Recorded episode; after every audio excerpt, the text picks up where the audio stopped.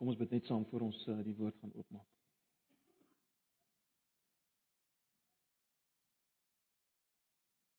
Dankie Here vir dit wat ons nou kon sing, al die bemoediging van hierdie woorde. Ag Here, U is wa waarlik lofwaardig. U is die een wat ons tot in alle ewigheid sal besing vir U verlossing wat U vir ons bewerk het. Ja, ewigheid sal nie genoeg wees om U te loof en U te prys daarvoor as ons eers gaan beleef wat dit is om in U teenwoordigheid te wees vir altyd en altyd en altyd nie. Ons weet dit, Here. Daarom is ons diep bewus daarvan dat ons in die huidige U nie genoeg loof en prys en dank en aanbid nie. Miskien bloot Here omdat ons nie genoeg bedink dit wat U vir ons gedoen het en dit wat wag nie. Ons is so vasgevang in elke dag se rompslomp. Ag Here, ons wil vra dat dat U ons oë al meer en meer sal oopmaak vir wie U is en wat U vir ons gedoen het sodat ons U meer kan aanbid en groot maak. Asseblief. Baie dankie dat ons vanoggend met vrymoedigheid na U kan kom nes ons is. U ken ons Here. Elkeen van ons as ons hier sit, het ons eie dinge. Ons eie gebrokenheid, ons stikkindheid, ons sonde waarmee ons worstel. Maar ons kom maar net op grond van U middelaarswerk in ons plek vanoggend. En ons vra Here, kom kom bemoedig ons, kom versterk ons en kom spreek ons aan wanneer nodig ook in hierdie oggend deur U woord. Ons vra dit in Jesus se naam. Amen. En ja, ons kom by Hebreërs 2 vanaf vers 10. Ons gaan vers 10 tot 18 lees. Ons het nou ehm um,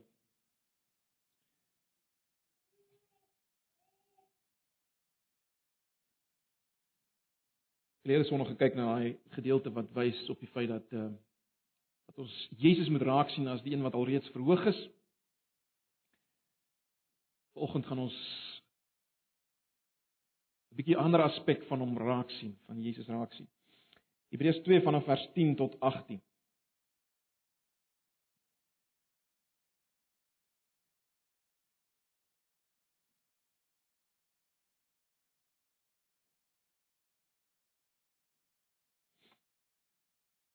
God ter wille van wie alles bestaan en deur wie alles ontstaan het. En ons het terloops nou al gesien wie hierdie God is, Jesus. Wou baie deel laat kry aan sy heerlikheid, die heerlikheid waarvan ons gepraat het uh, so twee sonne gelede. En daarom was dit reg dat hy hulle leidsman tot die verlossing deur lyding heen tot volmaaktheid sou bring. Hy wat heilig maak, sowel as die mense wat geheilig word, is almal uit een Vader. Om hierdie rede is Jesus nie skaam om hulle sy broers te noem nie. Hy sê tog ek sal die naam aan my broers bekend maak in die samekoms van die gemeente sal ek u lof besing. Ook sê hy ek sal altyd op u vertrou en verder hier is ek met die kinders wat God my gegee het. Aangesien hierdie kinders mense van vlees en bloed is, het hy ook net soos hulle mens geword. Dit het hy gedoen om deur sy dood die een wat mag het oor die dood, dit is die duiwel te vernietig. En om hulle wat uit vrees vir die dood hulle hulle lewe lank in slawerny was te bevry. Dit is duidelik dat dit vir hom nie om die engele gaan nie, maar om die nageslag van Abraham. Daarom moes hy in elke opsig aan sy broers gelyk word, sodat hy 'n barmhartige en getroue hoëpriester voor God kon wees om die sondes van die volk te versoen. Omdat hy self versoek is en gelei het, kan hy die help wat versoek word.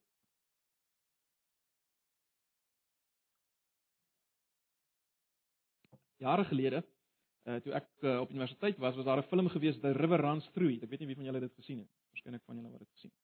The River Runs Through It. Nou, die film vertel die verhaal van twee broers wat opgegroei het uh, in die pragtige platteland daar van Montana.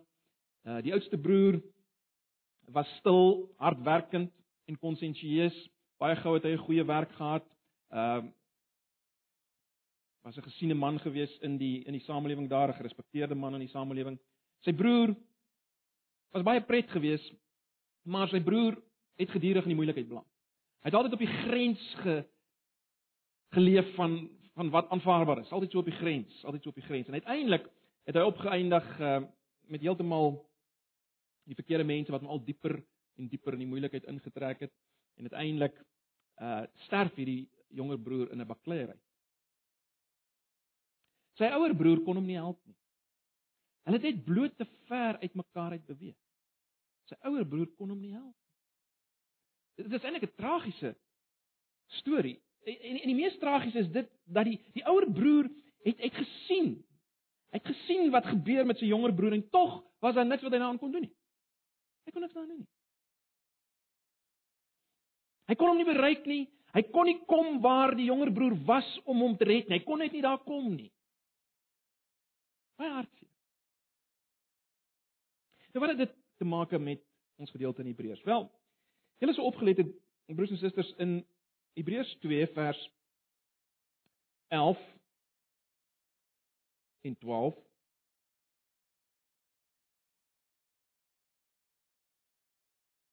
Jesus sê volgende hy wat heilig maak sowel as die mense wat geheilig word as almal uit een Vader om hierdie rede is Jesus nie skaam om hulle sy broers te noem nie. Hier kom die term broers na vore in vers 12 kry ons dit ook. Uh, en dis nou 'n aanhaling uit Psalm 22. As jy uh, na die 53 vertaling kyk, sal jy die term broers daar in vers 23 van Psalm 22 vind. Maar goed. In vers 12 kry ons ook hierdie term. Hy sê tog ek sal u naam aan my broers bekend maak. En dan kry mense die term ook weer later in vers 17. sien julle dit? Daarom moet hy in elke opsig aan sy broers gelyk word. So die skrywer maak hierdie term broers van toepassing op Jesus.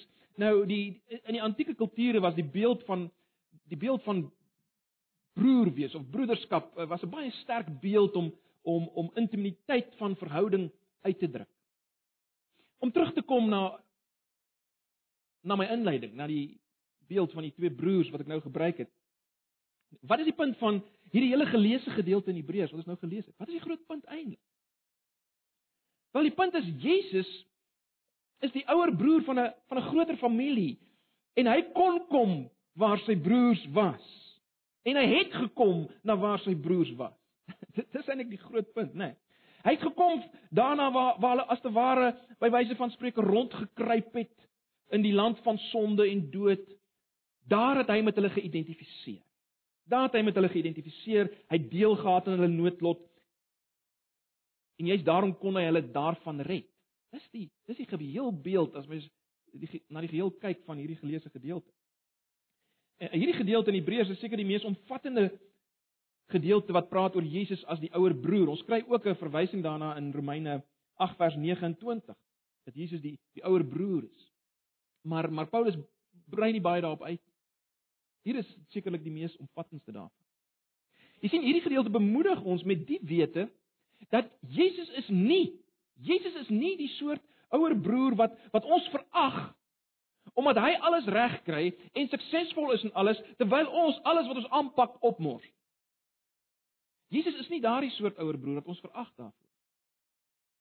Hy's die soort ouer broer wat wat sonder 'n teken van verkleinering of afkyk na ons toe kom waar ons is.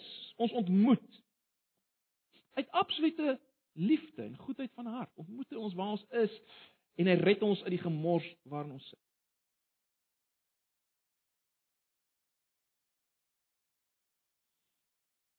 Hy kom in ons midde. Uh, terloops die die die gedagte in vers 12, die aanhaling daar, uh ek sal u naam aan die broers bekend maak in die samekoms van die gemeente, uh, letterlik in die midde van die gemeente. Dit druk op hierdie gedagte uit. Hy kom in ons midde, hy het in ons midde gekom. Natuurlik ge gebruik die skrywer ook die die beeld van van van van kinderskap en ouerskap, né? Nee. In vers 13 haal hy aan uit Jesaja 8 vers 17b en 18 om om maar net weer hierdie familieverhouding verder te onderstreep. So hy gebruik 'n bietjie van 'n ander beeld as hy sê ek sal altyd op hom vertrou en verder hier is ek met die kinders wat God aan my gegee het. Dit dit versterk maar net verder hierdie familiebeeld. Die feit dat ons deel het aan Jesus familie is, maar die broerbeeld is die sterk een wat dwars deurloop en en daarmee wil ons werk. Die feit dat hy ons ouer broer is, dis die sterk oorheersende beeld hier. Maar die skrywer van Hebreërs uh lig nou nog kom ons sê 3 waarhede uit van van hierdie ouer broer om om nog meer vir ons duidelik te maak wat hy as ouer broer vir ons is. Drie ander beelde wat hy hier uitlig. Drie ander beelde wat hy hier uitlig omtrent Jesus sodat ons 'n beter prentjie kan kry van hierdie hierdie ouer broer wat ons het in Jesus. En die eerste een is wat ek wil noem Jesus die pionier. Jesus die pionier. Jy sal sien die die woord wat hy gebruik is die leidsman.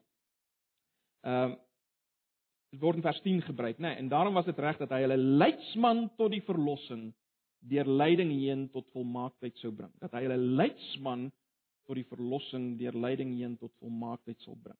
So Jesus word hier as die leidsman geteken. Nou, die leidsman dui op die ou wat voorstap, die pionier. Stel jou vir 'n oomblik voor 'n pionier ontdekker as jy wil, wat sy pad moet oopkap, kom ons sê in 'n oerwoud. Niemand was voor hom hier nie. Daar's nie paadjies nie, daar's niks nie. Hy moet hy moet alles oopkap. Daar's geen tekens nie. Hy stap voor. Deur hierdie onmoontlike terrein totdat hy sy doel bereik, totdat hy dwars deur is. En as hy dit bereik het, kan die ander agter hom aankom.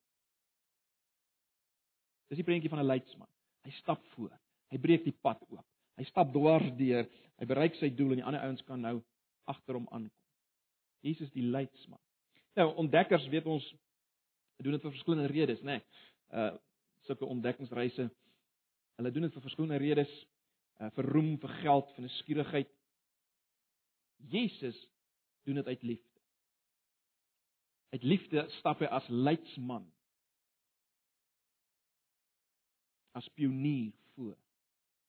Wat was die oerwoud waardeur Jesus gestap het? Wel, die wêreld waarin ek en jy is, die wêreld van lyding, misverstand, pyn, sonde, dood. Dis waar hy stap. Niemand het nog ooit voor hom so deur die wêreld gestap en aan ander kant uitgekom soos hy nie. Niemand.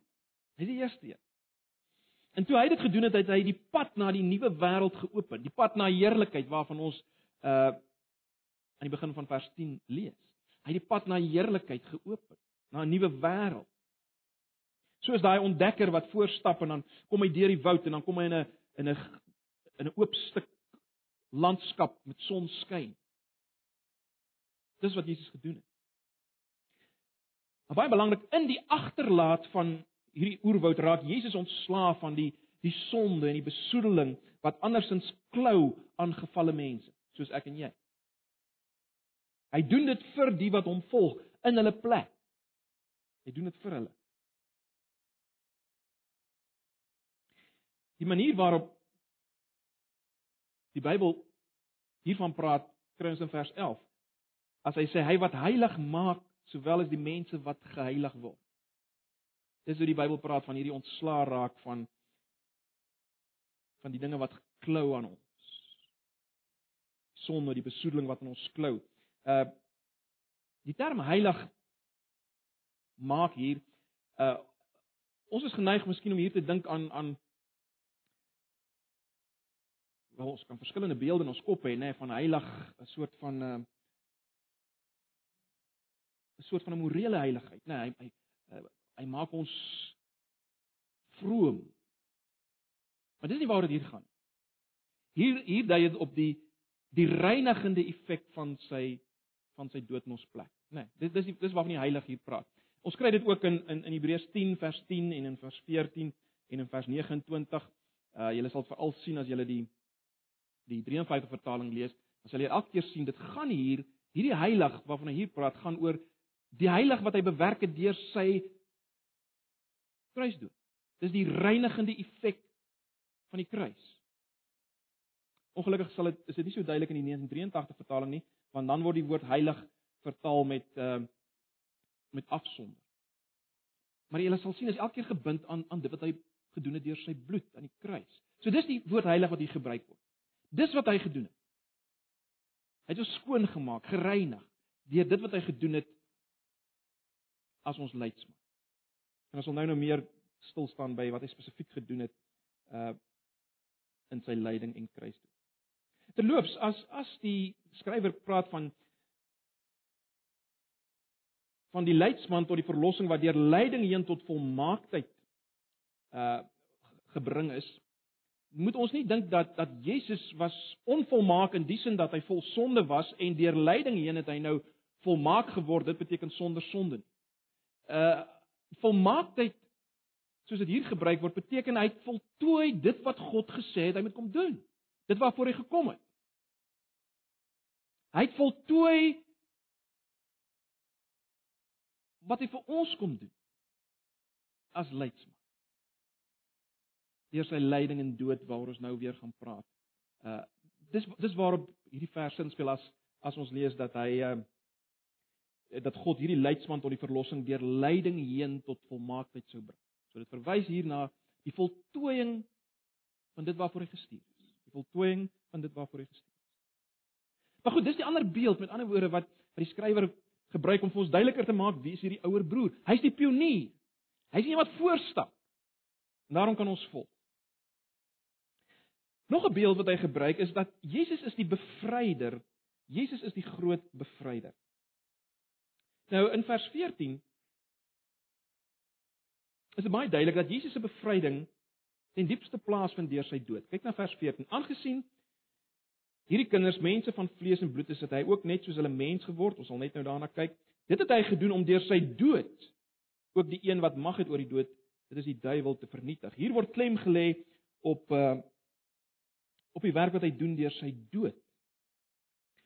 Maar reeds in vers 12 wil die wil die skrywer hê ons moet dink aan die pad van lyding wat sy dood vooraf gegaan het. As hy aanhaal uit Psalm 22. Dis baie belangrik. En met die eerste oop oogopslag as mense nou Psalm 22 uh, se aanhaling lees, dan dink mens wel, die enigste manier hoe hoekom hy dit aanhaal is om maar net die siening van Jesus as die oudste broer vas te maak, te onderstreep. Dis hoekom hy aanhaal uit Psalm 22 vers vers 23.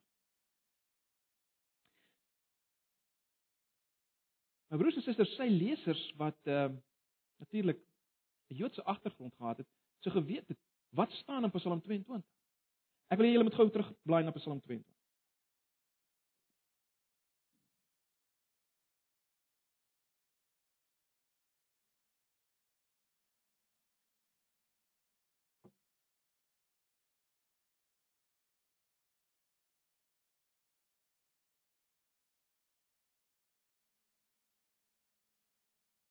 Kom ons lees vanaf vers 2 van Psalm 22.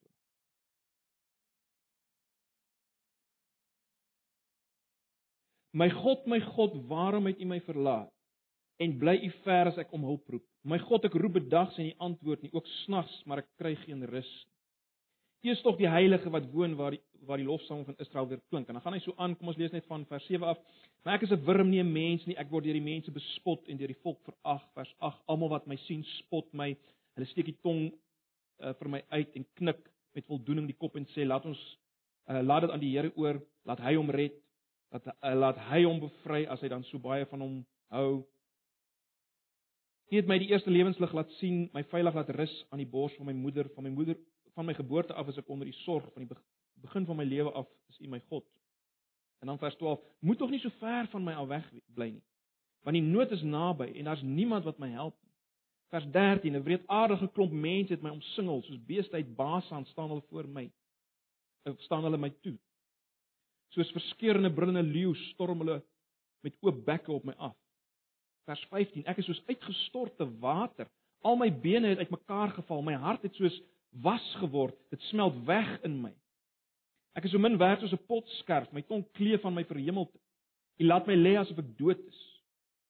Soos honde omsingel hulle my, die bene uh ekskuus die bende misdadige sak op my toe. Hulle bind my hande en voete vas. Al wat been in my is, kan ek tel. Hulle kyk na my met leed vermaak. Hulle verdeel my klere vers 19 onder mekaar en trek loetjies oor my mantel.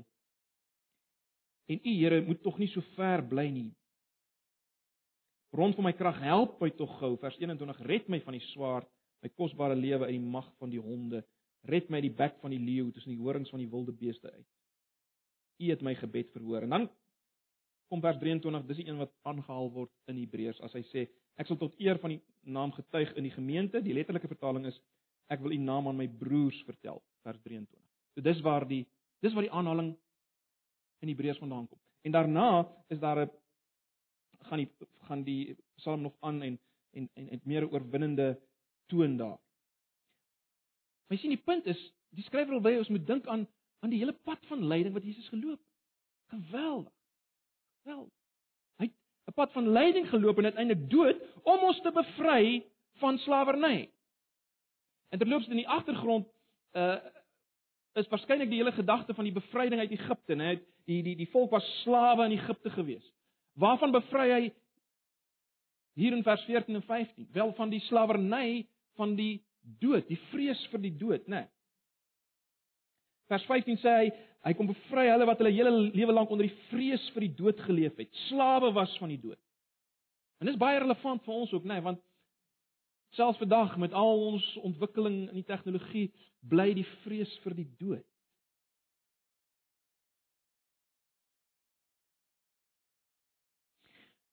En wat die skrywer hier duidelik maak is dat agter hierdie vrees vir die dood sit die duiwel. Hy word beskryf as die een wat mag het oor die dood, né? Nee, sien julle dit? Hy is die een wat die mag het oor die dood. Vers 14b. En nou kom hierdie gedeelte en sê deur sy dood, die lyding en uiteindelik die dood wat hy deurgegaan het, kom vernietig Jesus ons ouer broer vernietig hy die duiwel wat mag het oor die dood. Deur sy dood doen hy. Vernietig hy. En so bevry hy ons. Dis die enigste manier hoe hy ons kon bevry. Hierdie pad van lyding en dood te loop. So bevry hy ons van die een wat mag het oor die dood die duiwel. So dis 'n 'n volgende beeld wat tweede beeld wat wat die skrywer gebruik. Jesus die bevryder deur lyding en dood. En dit bring ons by die by die by die derde beeld wat hy gebruik van Jesus. Jesus die ware hoëpriester. Jesus die ware hoëpriester. Jy sien in hierdie lyding en sterwe van Jesus uh vir sy familie in die plek van sy mense, het hy ook die groot hoëpriester geword het hy ook die groot hoëpriester geword, die ware hoëpriester wat verzoening doen vir sondes. Nou, ek gaan nie nou te veel uitbrei oor oor oor hierdie aspek van sy hoëpriesterskap, die die verzoening van sondes nie, want in die res van die Hebreërs gaan ons nog baie daaroor praat, baie daaroor stil staan.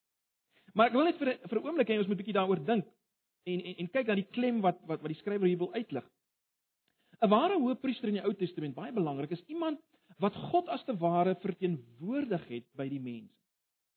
Ware hoëpriester in die Ou Testament het God verteenwoordig by die mense, opgetree by die mense, uh en hy het God se barmhartigheid en betroubaarheid beliggaam vir die mense. Dit dit het hy aan die een kant gedoen en aan die ander kant was hy een moet was hy een wat wat wat moes kon simpatiseer met mense. Right, so hy verteenwoordig God. Hy verteenwoordig God se se barmhartigheid en betroubaarheid by die mense, maar hy moes ook kon simpatiseer met die mense. En die skrywer van die Hebreër boek sê vir ons Jesus was dit by uitstek. Hy was dit by uitstek. Hy was dit meer as wat enige hoofpriester dit kon wees, want ons het nou reeds mekaar gesê, hy's nie die ouer broer op 'n afstand. Nee. Hy's nie iemand wat wat nie in staat is om om daai gaping te oorbrug na ons toe nie. Hy iemand wat so ver verwyder is van ons so verhewe is en in 'n ander wêreld dat hy nie meer verstaan hoe ons dink en voel sodat hy kan uitreik en ons help nie. Jesus is juis nie dit nie. Hy's anders. Dis die groot punt. Kyk weer na vers 14.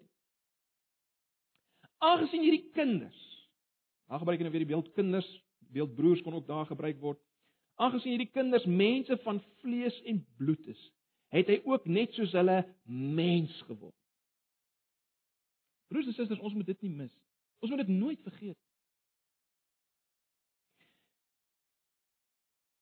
Ons het nou al gekyk in Hebreërs 1 hoe die skrywer klem lê daarop dat Jesus absoluut God. En as jy na hom kyk, dan sien jy God. Hy weerkaats God, hy weerspieël God. Maar hier kom die skrywer en hy maak dit baie duidelik. Jesus is absoluut mens. En ons mag nie dit vergeet nie. Ons moet nooit dink ag sy mensheid was maar soort van 'n hy het dit maar gespeel. Nee. Hy moes absoluut mens wees om te kon doen wat hy gedoen het.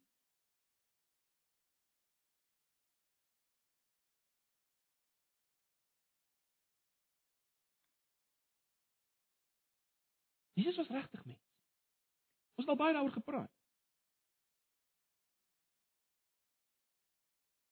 Hy het net nie 'n selfoon gehad. Jesus was regtig mens. Jesus was regtig mens.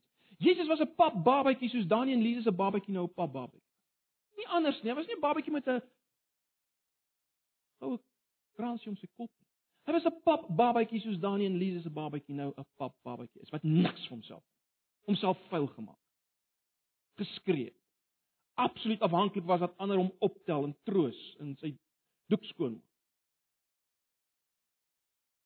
Jesus het opgegroei deur al die fases van kind wees soos elke kind hier. Hy het op sy tone gestamp. Presies soos alle kinders. Hy was ook bewus dat sy liggaampie verander. Dat hy 'n tiener word. Hy het deur al die fases gegaan met al die normale drange en begeertes daaraan verbonde.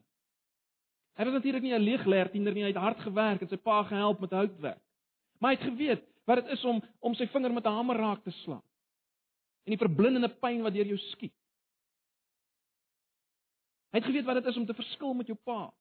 Jy wil dinge anders doen as hy. Verseker. Hy het vir 30 jaar 'n totaal doodgewone lewe geleef as 'n hardwerkende jong Joodse seun. Dis dis wat hy geleef het. Hy was absoluut mens, broers en susters. In die 3 jaar van sy bediening weet ons, het hy honger en dors geken. Hy was honger en hy was dors. En hy was moeg. En sy voete was vuil. En sy rug was seer. Val toe hy gewerk het vir sy pa, het sy rug seker ook seer geword. Hy het geweet wat dit is om om nie te slaap nie. Hy het ongemaklik geslaap want hy het nie 'n plek gehad om sy kop neer te lê. Hy hy hy, hy weet wat dit is. Hy het deur gegaan. Hy weet presies wat dit is. Hy het soos 'n normale jong Joodse man gesels en grappe gemaak en gelag en 'n vriendekring gehad, dis die disippels. Ag broers en susters, dis die punt wat die skrywer wil maak. Hy het in elke opsig gelyk geword met. Hy het net soos ons mens geword.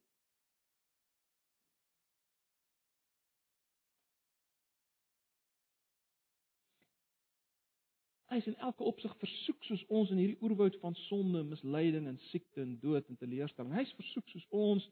Die enigste verskil weet ons sonder sonde, hy was sonder sonde in dit. Maar dit beteken nie hy's absoluut net so versoek nie in elke opsig. Daar's niks wat ek en jy in die gesig kan staar waarvan hy nie weet nie.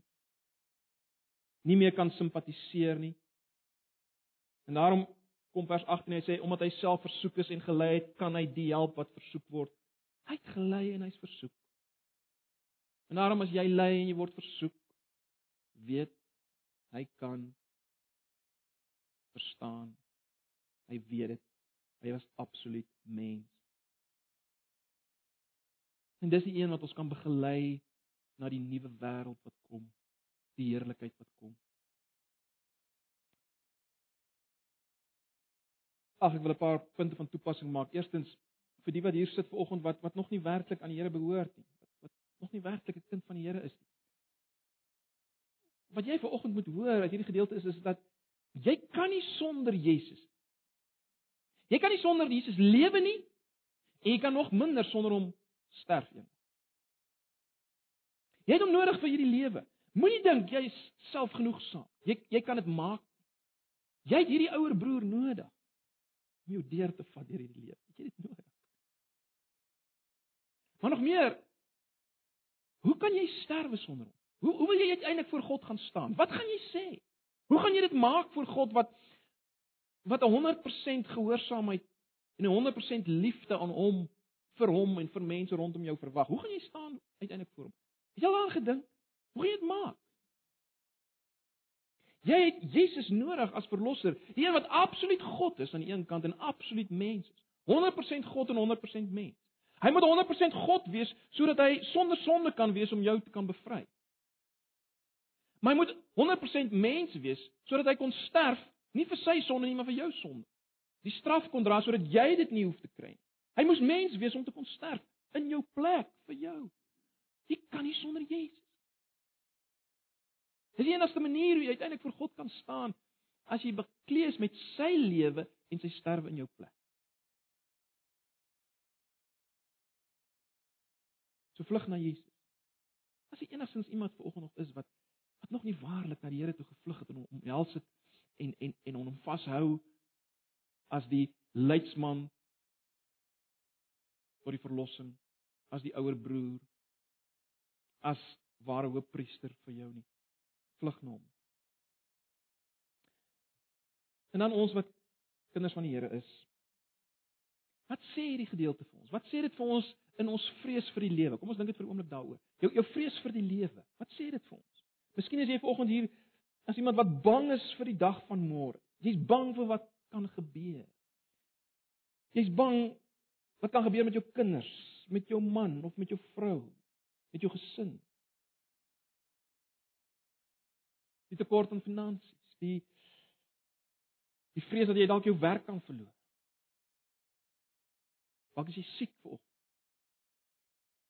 Jy is bang, jy's onseker. Dalk is jy bekommerd oor oor 'n vriendskap. Dalk is jy bang dat jy nie versoeking kan weerstaan nie. Of jy is bang dat die Here nie verstaan waarheen jy gaan nie. En daarom kan jy nie met hom praat daaroor nie, want hy sal nie verstaan nie. Hy gaan nie begrip hê vir jou nie. So jy jy, jy dra hierdie ding self in jou. Jy worstel self daarmee. Dalk voel jy ver van die Here en jy's oortuig hy het jou verlaat. Wat sê hierdie gedeelte vir ons?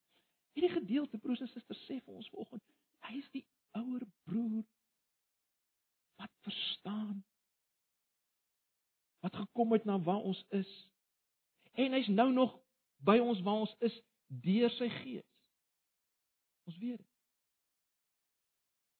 Die Heilige Gees wat by ons bly en in ons bly is die Gees van Jesus. Dis Jesus met ons, die ouer broer wat verstaan, wat weet waartoe ons gaan, wat dit self beleef het, wat absoluut mens was, wat die hele pad geloop het en wat deurgegaan het. Hy het deurgegaan.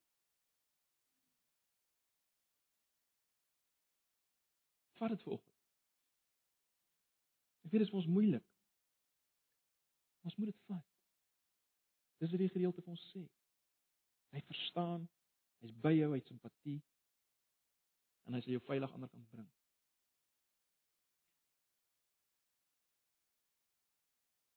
Ons nou gepraat oor ons vrees vir die lewe. Kom ons dink oor ons vrees vir die dood. Ek dink ons almal is op een of ander manier maar bang vir die dood. As ons eerlik is. Daar's verskillende redes waarom ons bang is vir die dood en die ouens wat in die goed werk, lig 'n paar goed uit en hulle sê vir ons die die een ding wat ons vrees is die is die is die is die vrees om beheer te verloor. Dis hoekom ons bang is vir die dood. Ons wil nie beheer verloor nie. Ons is bang vir vir mislukking en onvolkomendheid en ek dink vir al die ouens wat suksesvol is en uh in besighede ensovoorts en wat mylpale najag, hulle beleef dit baie sterk. Jy sien, as jy iets aangepak het en nie klaar gemaak het nie, die dood gaan beteken dat jy dit nooit gaan klaarmaak. Daar's onvolkomendheid, daar's mislukking. Natuurlik vrees ons ook die skeiding van geliefdes. Alle betekenisvolle verhoudings wat ons hier het. Die skeiding van geliefdes. En natuurlik die dood lei ons na 'n plek van onbekendheid, broers en susters. Kom ons wees maar eerlik. Ons is nie onbekend met die dood nie. Ek meen mense sterf daagliks rondom ons, maar maar nie een van hulle teruggekom nie. Nie een van hulle kan vir ons sê hoe dit is nie. Hoe dit werklik is. Daar's dit vrees vir onbekendheid. Daar's die vrees vir onbekendheid. Wat sê hierdie gedeelte vir ons in Hebreërs 2 vers 10 tot 8? Jesus kan ons bevry van hierdie vrese.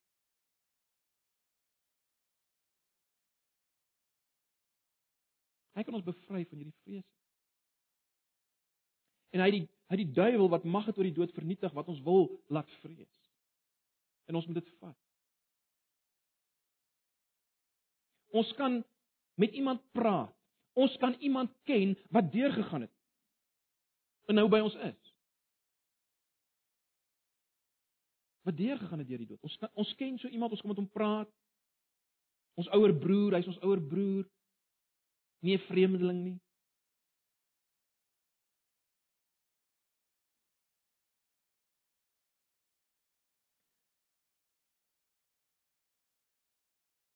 En daarom broers en susters, ons dood gaan nie mislukking bring en onvoltooidheid bring, maar 'n heerlike toekoms. Saam met ons ouer broer en die res van ons familie in Christus as gevolg van wat ons ouer broer gedoen het. Alles as gevolg van sy werk. Ag, as 'n mooi gedeeltjie op die laaste bladsy van 'n ehm, van C.S. Lewis se laaste boek is laaste boek in die in die Narnia reeks. Ehm um,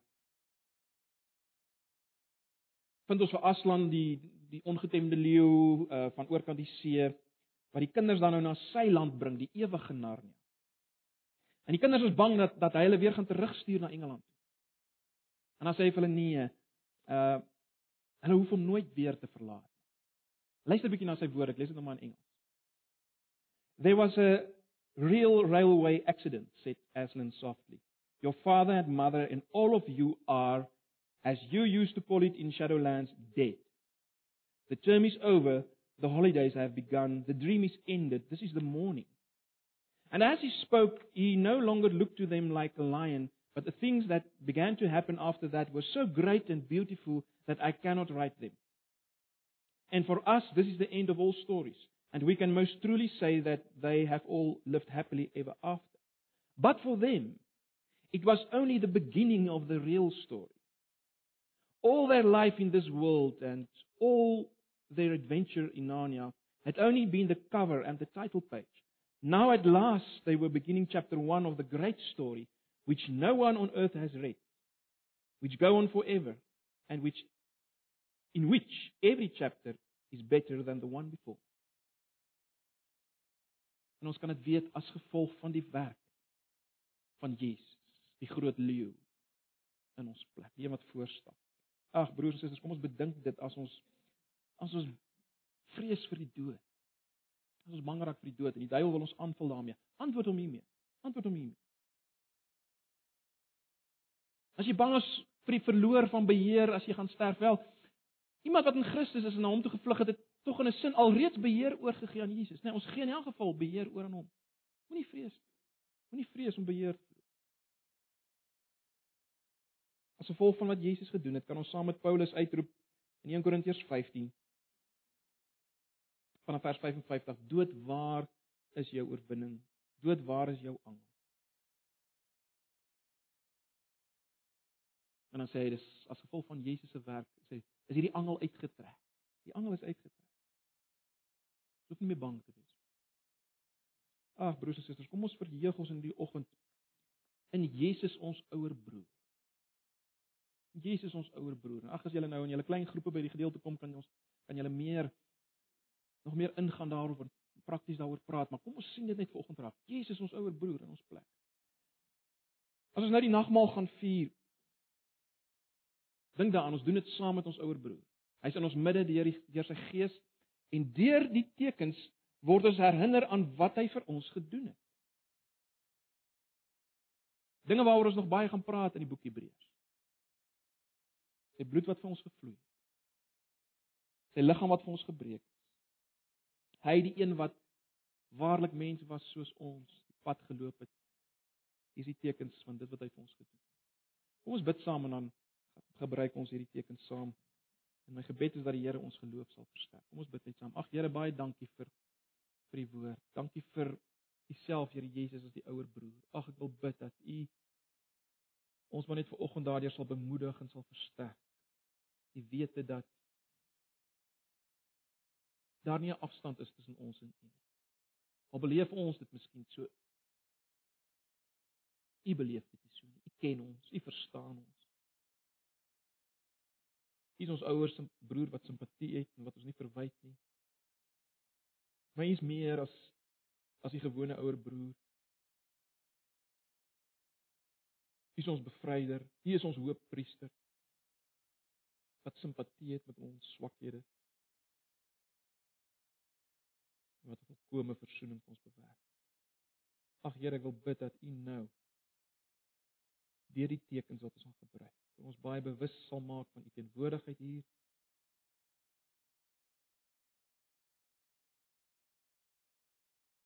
En maak ons ook baie bewus van dit wat u vir ons gedoen het en ook dit wat kom in heerlikheid. Want dis waarna ons op pad. Dis waarin u ons leidspan vir ons voorgegaan. En ons dankie daarvoor. In Jesus se naam. Amen. Kom net dat ons van die gesê vir ons die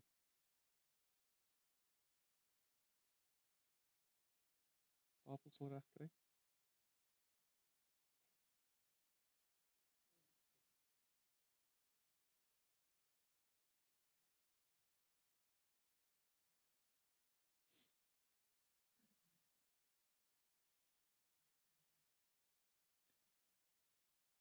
Ah ja, broers en susters, ons ouer broer Jesus het geweet hoe ons gaan sukkel.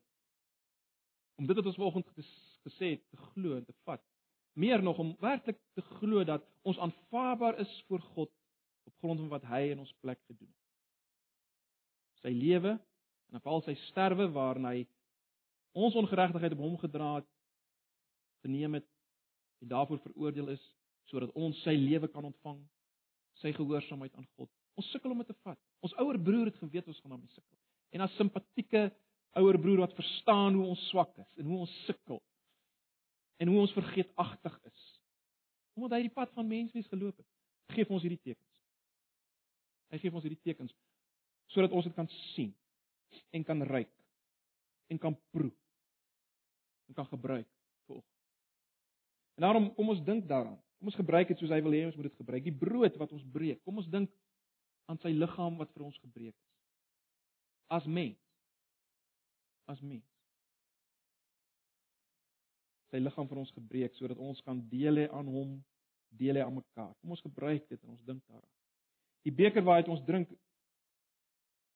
is die teken van sy bloed. As hy as mens sterf en sy bloed vloei, beteken dit sy lewe is in ons plek gegee. Hy sterf nie vir sy eie sonde nie, maar vir my en jou. Sy bloed het gevloei. As ons hierdie beker drink, kom ons dink daaraan dat sy bloed het gevloei, sy lewe is gegee. Sy volmaakte lewe is gegee in my plek. Sodat ek gereinig kan word. Sodat ek geheilig kan word. En sodat ek heerlikheid kan ingaan. Kom ons gebruik hierdie teken. Ons dank ons ouer broer daarvoor. Ons gebruik dit tot versterking van ons geloof. So ek nooi julle uitkom, gebruik die nagmaal. As jy aan Jesus behoort, as jy aan hom vashou. As jy vanoggend kan sê hy is my ouer broer, dan is dit vir jou dan is dit vir jou. Al is jy swak, al sukkel jy, al worstel jy, dan is dit juis vir jou om jou te versterk. So ek nooi julle om nagmaal te kom.